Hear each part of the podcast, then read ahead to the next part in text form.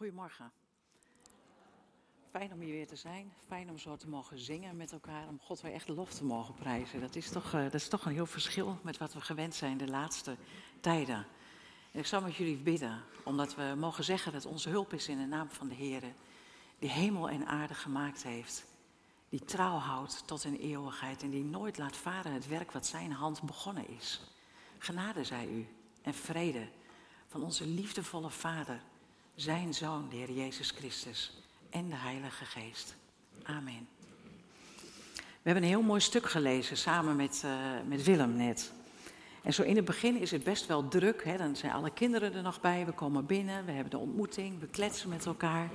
En dan uh, dringt het soms niet helemaal door. Maar eigenlijk zou ik deze dienst ook kunnen beginnen met: jongens, voor mij zijn jullie mijn blijdschap en mijn erekrans. En dan niet een overwinningskransje, uh, maar een, uh, een uh, feestkrans. Dus dat zijn jullie voor mij. Mijn blijdschap en mijn erekrans. En ik hoop dat we eensgezind dit jaar weer in zullen gaan. En dat we standvastig zullen zijn. Standvastig als een soldaat die zich niet laat afleiden. En dan heb ik eigenlijk de eerste paar versen te pakken. Want dat is wat Paulus zegt tegen de Filippenzen. De Filippenzen had hij een bijzonder plekje. Die had een bijzonder plekje in zijn hart. Filippenzen, dat was, dat was zijn eerste, de eerste gemeente. Maar laat ik er nog even bij blijven. Dat is zijn eerste gemeente. Dus als hij dat beginstukje schrijft. En jullie zijn mijn erekransen. Laat hij ze eigenlijk zien. Jullie zijn, ik ben zo blij met jullie. En aan het eind heeft hij altijd zo'n stukje met nog wat laatste zinnetjes, hè, wat laatste regeltjes. En meestal wordt daar niet zo over gepreekt. En plakken, prikken we er dan een paar tekstjes uit. Hè, zoals dat eind van uh, bedenk al wat waar is, wat waardig is. Ja, dat weten we allemaal wel. Die kennen we wel. Maar we staan er vaak niet zo bij stil hoe ontzettend blij hij is met die gemeente. En dat is toch wel het begin. Want dit is een gedeelte wat gaat over uh, blijdschap, je zorgen ergens anders neerleggen, de vrede van God en niet blijven denken, maar doen. Dat is even in. Dus vertrouw op God en doe je ding. Moeten we wel vaststaan in de liefde. Dat is wel even voorwaarde. Dus eensgezind en vaststaan in de liefde. Goed, tot zover is het wel helder, denk ik, hè? Nou, gaan we even verder. Die tekst wordt ook heel vaak gebruikt. Losgetrokken uit de context. Laat de Heer je vreugde blijven. En ik zeg je nogmaals, wees verheugd en laat iedereen je kennen als vriendelijke mensen. De Heer is nabij. En wees over niks bezorgd, maar vraag God wat je nodig hebt en dank Hem in al je gebeden. Dan zal de vrede van God, die alle verstand te boven gaat, je hart en je gedachten in Christus Jezus bewaren. Daar ga ik zo meteen nog op in. Dit is uh, de derde preek in, het, uh, in, in een thematiek van drie preken over hoe kunnen we onze, de liefde van God aan de mensen om ons heen laten zien. En de eerste zondag die we erover hebben gepreekt, heeft Harry het gehad over al die verschillende manieren die er zijn om God te dienen, om Hem te eren, uh, om dicht bij Hem te zijn en ook om vanuit wie je zelf bent, vanuit jouw manier van God dienen, jouw spiritualiteit, uh, de liefde van God aan de anderen te laten zien. We kunnen niet zeggen dat het op een manier moet. Er zijn meerdere wegen naar Rome. En vorige week zondag hebben we geluisterd naar Willem. De preek over wees een belhamel gods. En de mensen die daar niet bij waren denken, dat is wel een hele rare preek. Maar een belhamel, dat was uh, de gecastreerde, ik zeg het met opzet even bij Ram, die de herder volgde. En alle andere schapen volgden eigenlijk niet zozeer in de eerste instantie die herder, maar gewoon die belhamel, zo heette dat. En die belhamel die volgde de herder. En dat er behoefte is aan nieuwe leiders, aan nieuwe mensen die uh, de plek in durven nemen van leiders, christelijke leiders, die ondertussen ook uh, gaan hemelen. Hè? Want we krijgen een nieuwe generatie, behoefte aan een nieuwe generatie van leiders. En aan mij de mooie taak om die derde preek te doen. Hoe gaan we nou die liefde van God doorgeven? En dan staan hier een paar dingen waarvan ik denk, joh, als je nou kijkt naar om jou heen wat er gebeurt. De onrust, uh, de chaos, uh, de wel-faxers, niet-faxers, de ruzies die daarom ontstaan. Uh, gisteren de eerste, het eerste restaurant ook gesloten, hè, omdat er niet werd gecontroleerd. er gebeurt een heleboel. Uh, wat ik net hoorde van die familie, dat raakt mij, hè, een uitwijzing. We horen van ziekte. En je zal, als je daarop richt, gewoon de moed verliezen. En in de wereld om ons heen verliezen ook heel veel mensen echt de moed. En dan kun je wel denken van, oeh, dan moet ik die liefde van de Heere God laten zien. En dan moet je eigenlijk, ik zeg het wel eens vaker, dan moet je die spierballen christen worden. Die iets lijkt te zijn wat hij eigenlijk niet is. En waar de kwetsbaarheid diep binnenin zit. Maar dat zegt de Bijbel nergens. Dit zegt de Bijbel wel.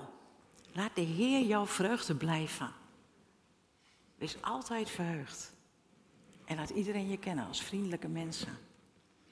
De Heer is nabij. Ik heb het in een paar zinnetjes samengevat. Weet je, als de Heer jouw vreugde is, is er blijdschap. Ik kan echt kiezen, waar richt ik mij op? Richt ik me op de Heer? Of richt ik me op de omstandigheden? Jullie weten dat ik misschien wel dat ik in uh, operatie mobilisatie heb gezeten. Daar hadden we gebedsnachten. En daar hadden we hele lijsten met allemaal dingen die we dan bij de Heer brachten. En dan vonden we onszelf eigenlijk ook best wel heel geestelijk als we dat dan allemaal gedaan hadden, tot drie uur s'nachts. De volgende dag moesten we dan om zeven uur weer sporten. Achteraf denk ik, stel je nou eens voor dat er iemand bij jou komt en die begint het gesprek met jou van, ach lieve schat, wat fijn dat ik weer bij je mag zijn. Ik heb het niet verdiend om bij je te zijn, maar door jouw genade mag ik er zijn. En vervolgens ga je 25 gebedspunten ophoesten. En daarna zeg je, in jouw naam, amen. Wat voor relatie heb je dan? Nou, als je zo'n relatie hebt met God, snap ik best wel dat je met die tekst die ik hiervoor las niks kan. Maar dat is niet de relatie die God, die God wil. God zegt eigenlijk, Paulus zegt, laat de Heer jouw vreugde blijven. Dan moet je hem wel kennen, hè? Dan moet je hem in depth kennen. Dan moet je weten wie die is, hoe groot hij is. Eigenlijk zou je voor de aardigheid is in het Oude Testament moeten kijken van hoe bidden de mensen daar. En die bidden gebeden over Gods grootheid, zijn almacht, dat hij de Heer de Heer scharen is, uh, groot, de koning op zijn troon.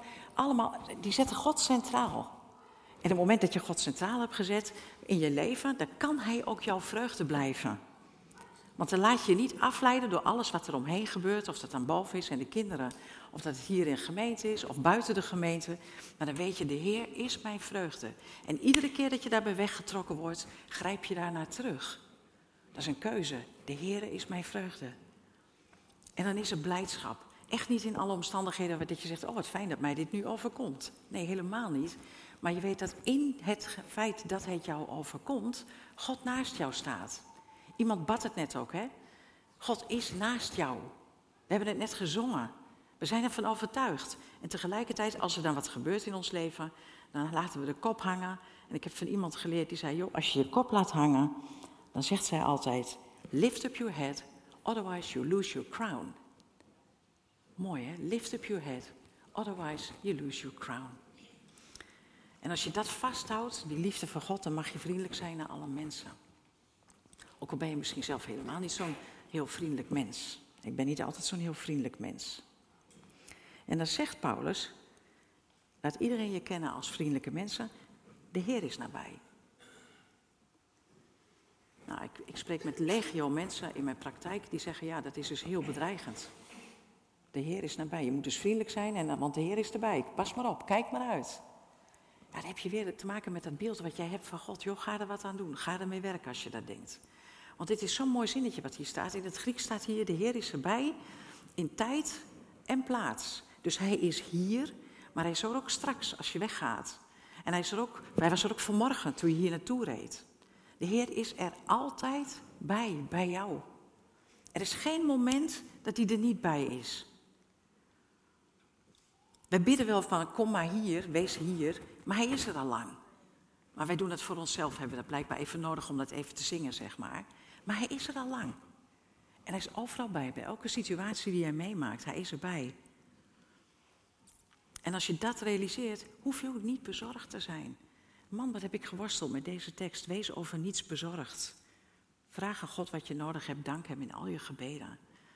En er zijn mensen die zeggen, ja, je moet dus God overal voor danken. Alles wat jou overkomt, moet je voor danken. Maar dat staat er niet, hè? Nee, er staat van, heb een relatie met God. Ik pak hem even zo. Uh, wees, uh, wees ervan overtuigd dat de Heer nabij is, in tijd en plaats. Heb een relatie met God. En dan hoef je niet bezorgd te zijn. En dat, dat bezorgd zijn, dat, dat is in het Grieks is dat meden merimnate, maar dat mag je allemaal vergeten hoor. Maar het is een bepaalde vorm van bezorgd zijn. Het is een bezorgd zijn dat het een last wordt. Dat je er s morgens mee opstaat en je gaat er ook s'avonds mee naar bed. Je kunt er niet meer van slapen. Je wordt er gek van. Misschien zelfs wel een beetje obsessief, zouden we als therapeuten dan zeggen. En eigenlijk wil je er iets mee, maar je weet dat je het niet onder controle hebt. Die bezorgdheid gaat het over. Het gaat er niet om dat je zegt van, oh, mijn, uh, ik, mijn kind gaat fietsen, ik hoor een ambulance en ik schrik even. Daar gaat het niet over. Het gaat over die hele diepe bezorgdheid die jouw blik weghoudt bij God. Ken je dat of hebben we dat nooit? Wie is hier wel eens heel erg bezorgd? Dat je denkt van nou, nou weet ik het even niet meer, heer. Ja, eigenlijk moet je even om je heen kijken. Dat je ziet van, hey, dat hebben we dus allemaal. Hè? We hebben het echt allemaal. En op het moment dat je dat hebt, heb je de neiging om helemaal daarin te stappen. Net alsof je in een soort kapseltje stapt. En je komt daar niet meer uit. je kunt er eigenlijk alleen maar uit als je zegt van hé, hey, maar ik, ik heb die relatie met God. Ik heb dat gebed met God. Ik heb dat knokken met God. En met God samen kom ik daaruit, omdat Hij er al lang uit is. Want wij zitten in dat leventje, wat is het, een vierkantje er maar. Dit is mijn leven. En ik weet niet wat hier allemaal nog achter komt, dat weet ik niet. Ik zie alleen maar dit stukje. Maar God ziet dit, die weet wel, dit is het leven van Marja. En dat gaat er allemaal in gebeuren. Dat zijn de fijne dingen die haar nog gaan overkomen. Daar gaat ze keuzes hebben. Ik weet ook al wat ze kiest, maar ja. Zo kijkt God. Hij weet het al. Hij weet het al over jouw kind waar je zoveel zorgen over maakt. Hij weet het al over jouw partner die niet gelovig is. Hij weet het al nou, over alles. Dus het moment dat ik ga lopen stressen en me echt zorgen ga maken over dit, zet ik mezelf klem. En kan ik niks anders doen dan weer terug naar God gaan en teruggaan naar de God die zegt van joh, zorg dat je relatie met mij op orde is. Want ik ben er voor jou. En dat gaat heel ver, daar ga ik zo nog even over door. Dan heb je gebed alsof je aan het ademen bent. Dat is niet de lijstjes. Ik zeg niet dat het verkeerd is hoor, blijf rustig bidden. Maar het is de relatie hebben met God dat je weet van hij luistert naar mij, hij hoort mij. Ik wandel naar de badkamer, hij ziet mij. Uh, ik uh, sliep vannacht bij, uh, bij Ellie Zieleman. Wat fijn was dat, een fijn thuis. En dan, en dan, denk ik, oh heer, dank u wel dat dat er is. En dan kom ik bij mijn bedje en denk ik, fijn heer, dank u wel dat dat allemaal kan. En zo ben ik wat aan het babbelen met de Heere God. En dan maak ik een fotootje van de tuin en dan geniet ik daarvan. En dan weet ik, ja, God geniet daar ook van. Weet je, het is het, is het ademen van. En dan doet, dan doet dit het niet. En dan blijf jij gelukkig heel rustig. Hè? En ik blijf ook heel rustig. Daar ga ik zo meteen nog even over in. Want je weet, het is in Gods hand. En hij weet ook al hoe het gaat lopen. En hij weet wie er gaat komen en wie er niet gaat komen. Weet je ook allemaal. Moet je dan je preek nog omgooien? Nou, dacht het niet. Hij weet alles. En zo kijkt hij naar jouw leven. En als je dat gaat realiseren, kom je in de rust. Want dan hoef je niet bezorgd te zijn. Het voegt niks toe. Het neemt niks af. Je mag ermee ophouden, zegt God eigenlijk. Wees in geen ding bezorgd. Laat bij alles je wensen door gebed en smeking met dankzegging bekend worden bij God. Dus we eren Hem voor wie Hij is. We danken Hem voor wie Hij is. We maken Hem groot. Weet je, we waren net heel stil hè, met het gebed. En dan denk ik, oh, er gaan nu een heleboel gebeden naar boven, weet ik zeker. Die worden niet uitgesproken de dingen waar we mee zitten, de dingen die, we, die ons zo dwars zitten, waar we zoveel verdriet van hebben. En God zegt, joh, leg het maar voor me neer. Leg het maar voor me neer. En tegelijkertijd, ik weet het, zegt God, ik weet het. En dan komt die mooie tekst. Dus eigenlijk zegt hij, in het Engels is dat zo leuk, die rijtjes. Hè? Prayer, petition en request. Hè? Bid, eer, vraag. Maar doe het allemaal met dankzegging. Want God is in elke situatie dezelfde. Ik heb het hier genoemd zelflijden. Je zorgen maken is jezelf laten leiden. Vooral als je er niks aan kan doen. En in trainingen noem ik het wel eens, het is het hoge zelfopfokkende vermogen wat wij als mensen hebben. Want wat kunnen we onszelf opfokken? En kun je er dan wat aan doen? Nee, maar je voelt het in je lijf, je voelt het in je leden. En God zegt, joh, geef mij nou maar de eer, no matter what. Vertrouw op mij, want ik ben heel groot en ik zie jou. En dan komt er wat. Dan staat er die belofte. De vrede Gods die alle verstand te boven gaat, zal jouw harten en je gedachten behoeden in Christus Jezus. Wat is dat, die vrede? Wat is dat? Roep eens. Sorry? Ja, innerlijke rust. Nog meer? Vrede van God. Vertrouwen. Dat is het ongeveer. Het is echt iets anders. Dat is zo leuk, hè?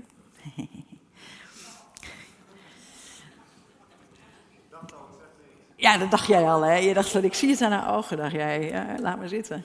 Hey, hier staat een, eh, een, een, een, stukje in de Bijbel, een Grieks stukje, wat nergens anders staat in de Bijbel. Dus het is uniek. Dat is alleen al leuk. Reina Tautheos, de vrede van God. En dat wordt nergens anders in de Bijbel gebruikt, want het is een ander soort vrede. En dit heeft mij heel diep geraakt en ook, dat emotioneert mij ook. Want het is niet de vrede die we wel kennen omdat we gerechtvaardigd zijn, omdat we gered zijn. Dat weten we. We zijn gered en we hebben dus vrede met God. Dat is heel fijn. Dat is fijn dat je dat weet. Maar daar gaat het hier niet over. En het gaat ook niet over de vrede van God, van de innerlijke rust gaat het zelfs niet over. De vrede dat je weet van ja, maar ik mag vertrouwen op die belofte, is ook allemaal vrede van God. Maar dit gaat verder. Dit is een vrede van God die Hij zelf is. Hij is vrede. Het maakt deel uit van zijn natuur. En hij zegt eigenlijk dat van die vrede van mijn natuur, dat wil ik met jou delen. Die vrede. Dus God zegt, ik ben vrede en die vrede wil ik met jou delen. Als ik denk dat de Heer Jezus zegt, ik ben het brood des levens, dan mogen we dat brood eten. Als we zeggen dat God liefde is, mogen we die liefde, dat hebben we ook gezongen, hè? fantastisch, dan mag je die liefde over je laten komen. En dit is de vrede van God, zijn wezen, zijn zijn, wat hij met jou en mij wil delen. Dat is niet even een flutvrede hoor. Dat is niet even elkaar shalom wensen en masseltof. Maar dat is deel uitmaken van die goddelijke natuur, waar we wel eens eerder over gesproken hebben met jullie. Als ik daar lang over nadenk, dan emotioneert mij dat enorm. Want hij wil zichzelf met jou en mij delen.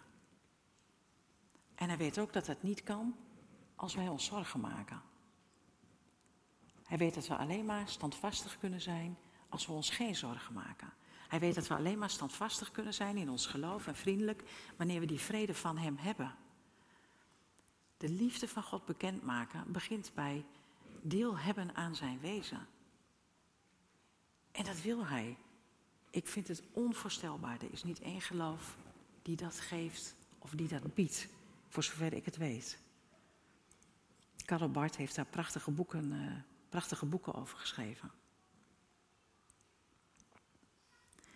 En dan komt die tekst. Schenk aandacht aan alles wat waar is. Het is echt een, tenslotte, hè, tenslotte, hè, er komt nog wat meer. Schenk aandacht aan alles wat waar is wat edel is, wat rechtvaardig is en zuiver of puur, wat lieflijk is, wat eervol is. Aan alles wat deugdzaam is en lof verdient. Geef daar de aandacht aan. En, doe, en dan doe alles wat ik je heb geleerd en overgedragen, wat ik je verteld heb en laten zien. Doe dat en de God van de vrede zal met u zijn. En dat is die andere vrede. Dat is die God van de vrede die die innerlijke rust geeft.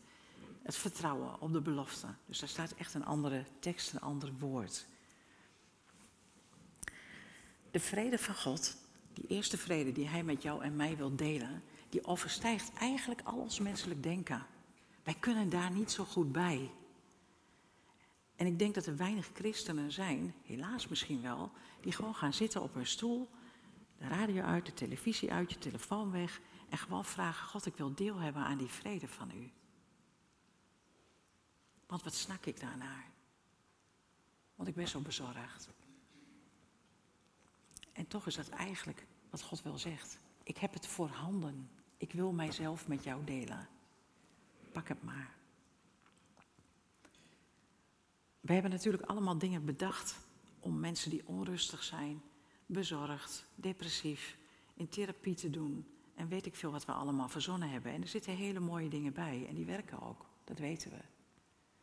Maar deze vrede van God gaat veel dieper dan dat alles. Want het raakt je in je kern. Waarom? Omdat je opeens ziet van ik hoef niks te doen. Ik hoef alleen maar mijn ding te doen, daar kom ik zo meteen nog op. Maar voor de rest mag ik gewoon in vertrouwen eigenlijk in God stappen. En zeggen, vader, hier ben ik.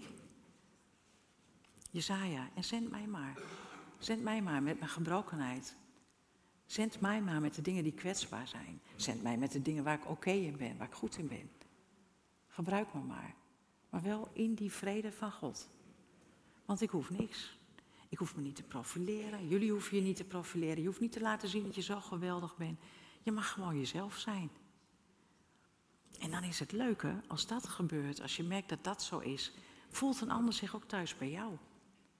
Want die hoeft dan ook niks te pretenderen.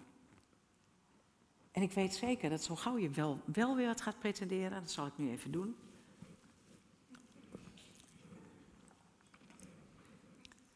En ik, ga, ik zit nu in mijn pretenties, jongens. Ik hoop dat jullie dat zien. Er gebeurt nu ook wat. Er gebeurt ook wat in mijn lijf nu, hè? Want ik heb nu weer de behoefte om daar te staan. Dus ik stap er weer even uit. Maar weet je wat er gebeurt als ik dat doe? Er gebeurt ook wat bij jullie. En wat gebeurt er bij jullie? Wat zeg je? Die verwacht wat. Jij zei ook iets, hè, Wilma? Wat zei jij? Het stoot mij af. Het stoot af. Het roept weerstand op. Dus dat is heel raar. Wij willen dus de liefde van God bekendmaken, maar dat doen we soms het liefst. Ondertussen zijn wij heel sterke christenen.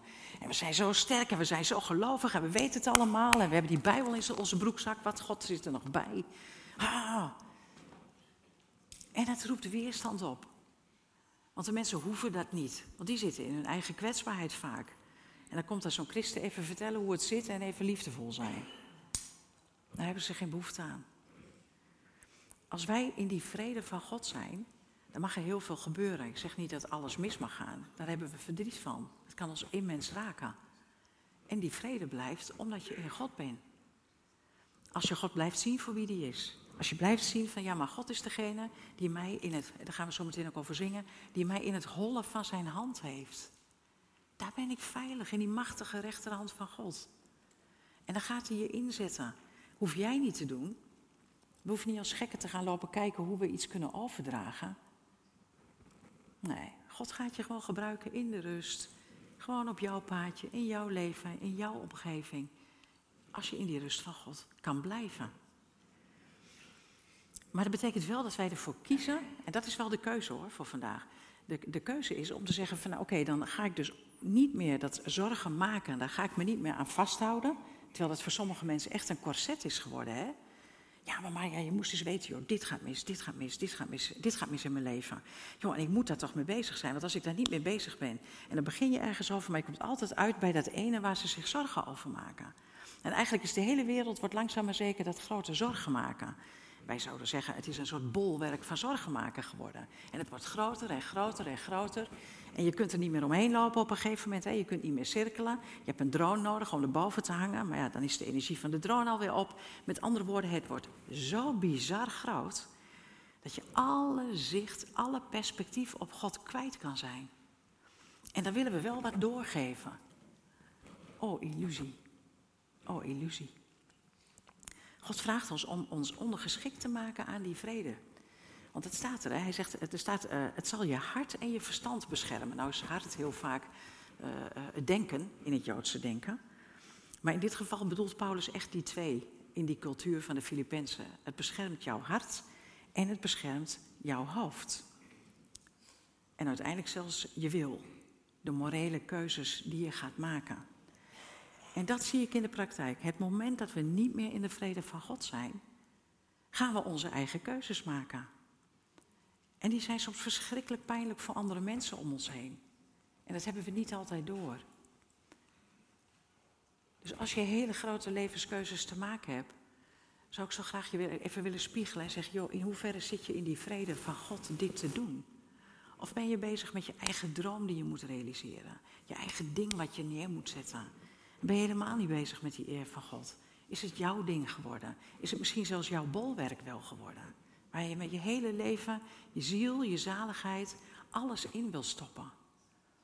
En dan zegt God, joh, maar dan gaat je niks opleveren. En andere mensen zijn net andersom. Die zijn zo druk bezig om hun verstand te beschermen. We kijken geen televisie, we kijken geen internet, we lezen ook geen boeken meer. Uh, we, uh, nou, we, proberen alles buiten ons denken te houden wat verkeerd is. Zijn zichzelf, lopen zichzelf te beschermen. Zijn met een gevoel, proberen ze alleen maar naar radio, groot nieuws radio te luisteren. Zodat ze heel goed zichzelf beschermen. Lieve mensen, dat hoeft niet. Want die vrede van God gaat jou beschermen. En het woord beschermen, dat vind ik zo leuk. Ik, weet ik ben een fan van Asterix en Obelix. Um, en dan in Asterix en Obelix lopen altijd die cohorten van die Romeinen, die lopen daar dan uh, steeds, hè, van die groepen Romeinen. Dat kenden de Filippenzen heel goed. Hè, want daar, ze werden overheerst daar, hè. Romeinen waren daar ook de baas. En, dat, en dat, die, dat woord gebruikt hij hier. Hè. Die vrede van God zal je hart en verstand beschermen, zoals een leger met soldaten dat zou doen. Nou, voor hun helemaal herkenbaar. Daar kon je niks tegen beginnen, tegen dat leger met soldaten. Dat was gewoon, dat was je kassie wijlen. Nou, die bescherming biedt die vrede van God aan jou en aan mij. Ik heb wel vaker gesproken, maar dan met die cirkel, de buitenkant gedrag, binnen in je ziel voelen, denken en willen. En dat staat hier eigenlijk. Hè? Die vrede gaat ons, ons innerlijk, ons gevoel, ons denken en onze wil, onze morele keuzes beïnvloeden. Maar het staat wel in een context. Het stond in de context van sta standvastig. Als ik uh, ga abseilen, zou ik trouwens niet gauw doen, maar stel dat ik dat zou doen, dan vind ik het wel prettig dat degene die boven staat standvastig is. En dat hij ook weet hoe hij de boel vast moet maken voordat ik naar beneden moet. Als wij iets willen doorgeven over het evangelie, is het wel fijn als wij standvastig zijn. En denk niet bij het eerste, de beste, om, om, omvallen. Dus dit hele gedeelte wat we gelezen hebben, staat eigenlijk in het kader van standvastig zijn, standvastig staan, God zien voor wie die is. Uh, en van daaruit de vrede van God krijgen en dan aan de slag, hè? Doe je ding. Ik heb het even niet gehad over die twee dames. Daar heb ik ook nog over gedacht. Zal ik dat in de preek verwerken? want er worden twee dames aangesproken. Hè? Medestrijders voor, voor, uh, voor Paulus in het evangelie. Maar die leven nu in onmin met elkaar. Hij kiest geen partij, niet voor de ene en niet voor de ander. Hij zegt gewoon, joh, leg het bij, ten dienste van de gemeente. Want anders gaat het ten koste van de standvastigheid van de gemeente. Dus kijk ook eens naar jezelf. In hoeverre ben je standvastig? Of in hoeverre zit je, maar dat is eigenlijk een andere preek, maar zit je bij die twee dames die elkaar de tent uitvechten? Is natuurlijk mooi dat het vrouwen zijn. Hè? Aan de ene kant dat je denkt van hé, wat mooi, die stonden naast Paulus in zijn dienst. En aan de andere kant is het jammer dat het vrouwen zijn. Dat je denkt van ja, weet je, bij vrouwen kan het soms zo lang blijven hangen. Mannen doen dan een biertje en dan is het alweer goed. Maar vrouwen kunnen nog heel lang zich dingen herinneren. Hè? Standvastigheid in de vrede. Nou, daar komt hij met zijn lijst. En die lijst ken je vast wel. Ik weet van mensen dat ze die hebben hangen naast een uh, koelkast dat ze zich daarop richten. Want er wordt ook wat van ons gevraagd. Hè? Paulus is niet degene die zegt van ga in de, in de eindeloze zelfreflectie. Dat zegt hij niet. Maar hij zegt wel, je hebt maar één aandacht en die aandacht ga je richten op iets. Gewoon de eerste gesprekken nadat je de vakantie gehad had, waar gingen die over? Nou, bij mij gingen die bij cursussen over COVID, of we wel of niet op vakantie zijn geweest daardoor. Nou, dan de vaccinatie inderdaad. En dan dat het toch allemaal niet meeviel. En sommige christenen dachten echt van, nou, de antichrist staat echt op de hoek op ons te wachten. dus een heleboel negatief eigenlijk. En dan vind je het ook nog gek dat je dan denkt van, nou, gelukkig is er geen koffie drinken hierna. Maar dat is niet wat God van ons vraagt. God vraagt iets ongelooflijks waarvan ik echt denk dat als wij niet in de vrede van God zijn, dan lukt ons dat niet, joh. Deze lijst lukt ons niet. Lukt mij niet. Laat ik het maar bij mezelf houden. Paulus heeft het over uh, bedenk wat waar is. Wat waar is in ieder aspect, in woord en daad. Dus ik kan wel zeggen van ja, dit is de waarheid. Maar als ik gelijk iets anders ga doen zo gauw ik buiten sta, dan is het een mooi verhaaltje, een spierballentaal christelijk verhaaltje. Maar het is niet echt. En daar hebben we niks aan. Bedenk die dingen die eerbiedwaardig zijn, majesteitelijk. Weet je, als jij hele mooie dingen gaat denken hè, over je vrouw of over je man of over je kinderen of over de mensen die om je heen zitten, als je daar goede dingen over gaat denken, je hoofd daarmee vult, dan ga je toch anders naar ze kijken. Uh, trouwens, als we nou eens gewoon zo naar onszelf gingen kijken. Want we kunnen vaak wel onze kritische punten van onszelf noemen, maar vaak niet zo goed waar we eigenlijk heel goed mee zijn of heel blij mee zijn. Maar dat staat hier wel. Vervul je daarmee. Richt je aandacht op wat rechtvaardig is. Rechtvaardig hier het woord in relatie met God en in relatie met de mensen om je heen. Wat is rechtvaardig? Hoe doe ik die ander recht? Hoor ik wat die ander zegt? En als ik dat hoor, doe ik er dan ook wat mee? Of laat ik het gewoon, laat ik die ander maar praten? Hoe rechtvaardig gaan wij naar andere mensen om? Richt je aandacht op wat rein is, puur. En dat is een woord dat gaat over je motieven. Hoe puur zijn onze motieven? Jo, soms wou ik wel eens dat ik dit in trainingen gewoon als onderwerp in de training kon gooien. En dan gaan we naar elkaar kijken en dan gaan we niet zo'n halve cent stifty training doen. Dat doe ik trouwens toch niet.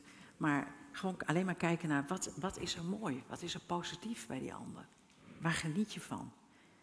En hoe zijn onze motieven in hoe wij bezig zijn op dit moment? Maar ik zou jullie dat ook kunnen vragen in de gemeente. Wat zijn onze motieven eigenlijk? Of zijn we kerk om het kerk zijn? Gelukkig kunnen we weer. Hè? Nou, vast niet. Je aandacht mag gaan naar wat lieflijk is. Lieflijk, ik vond het een heel mooi woord. Lieflijk is iets wat liefde optrekt, eh, op, opwekt. Het is aantrekkelijk om bij te zijn. Je vindt het fijn. Iemand zei, ja, dat is zeker een hoge knuffelfactor. Nee, dat, dat hoeft het echt niet te zijn. Lieflijk kan ook best wel afstand zijn. Je kunt lieflijk afstand nemen. Omdat die ander die ruimte nodig heeft. Omdat die ander misschien zelf verantwoordelijk is. En dan wel luidend. En ook dit woord wel luidend komt nergens anders in de Bijbel voor. Dus we hebben twee unicums vanmorgen, of unica. Hetgene wat mensen wint in plaats van mensen afstoten. En daarom was ik zo blij met wat Wilma net zei. Als jij dit gaat doen en je gaat in je pretentie zitten, dan stoot jij mij af, zegt Wilma. Dan ben ik dus niet meer welluidend. Want het klopt niet meer van binnen. Mijn buitenkant en mijn binnenkant kloppen niet meer met elkaar. Ja, maar ik ben bezorgd en ik ben verdrietig. En ik weet het eigenlijk helemaal niet meer. En ik heb twijfels. En dan zegt God, ja, en vertel het mij maar. En mijn vrede is voor jou. Ik deel mijn wezen van vrede met jou. Mag dat? Wil je dat? En dan gaan we deze stappen zetten. Joh, de liefde van God bekendmaken, dat kan alleen maar als we zelf in God zijn. En je ding doen is eigenlijk alleen maar aansluiten bij God. Aansluiten bij jezelf. En daarna pas bij die ander. En soms denk ik wel eens, we zijn zo druk bezig met die ander, dat we helemaal vergeten dat het echte lijntje, en dan ben ik weer terug bij preek 1, het echte lijntje, dat is dat verbonden zijn aan die wijnstok. Wij zijn die ranken en we groeien allemaal een andere kant op en dat mag. Maar we moeten wel dat, dat verbond, die verbondenheid met God, die moeten we vasthouden. Daar gaat het eigenlijk om. En dan mag God jou en mij gaan beïnvloeden. Met zijn vrede, van binnenuit. En die vrede gaat doorwerken in je denken, in je voelen en in wat je wil. Kortom, de samenvatting. God vertrouwen en je ding doen is eigenlijk een beetje populaire vertaling van ora et labora, bid en werk. Wees eensgezind. Voor dit jaar, voor komend jaar, vanaf januari gaan we het hebben over ontmoeten en verbinden. Dan denk ik, joh, hoe belangrijk is het dat we eensgezind zijn. Standvastig, zodat iemand die echt het boekje zoek is, rustig bij ons kan komen en merkt van, hé, hey, hier is een standvastige liefde. Hier is de vrede van God, hier mag ik zijn hoeven niet bezorgd te zijn, want het hoort niet bij Gods wezen om bezorgd te zijn. God is best boos soms, hij is jaloers, hij is van alles en nog wat, hij is niet bezorgd. Dus dat hoeven we ons niet eigen te maken. En we mogen weten dat die vrede van God jouw denken, mijn hart, onze wil wil beïnvloeden. En wat wij dan mogen doen is danken, bidden. Ik bid echt, het is echt mijn gebed, dat wij ons, zoals we hier zitten, willen laten vullen door die vrede van God. Deel willen hebben aan God. Het zou zo mooi zijn geweest om nu het avondmaal te vieren. Maar ik begreep dat dat nu niet was, maar volgende week. En dat je ook echt deel hebt aan het wezen van God. Zodat we dat gaan uitleven in ons dagelijks leven. En dan komt het met het delen van die liefde van God wel goed. Dan mogen we Hem op vertrouwen. En wij mogen ons ding doen. Mag ik met jullie bidden?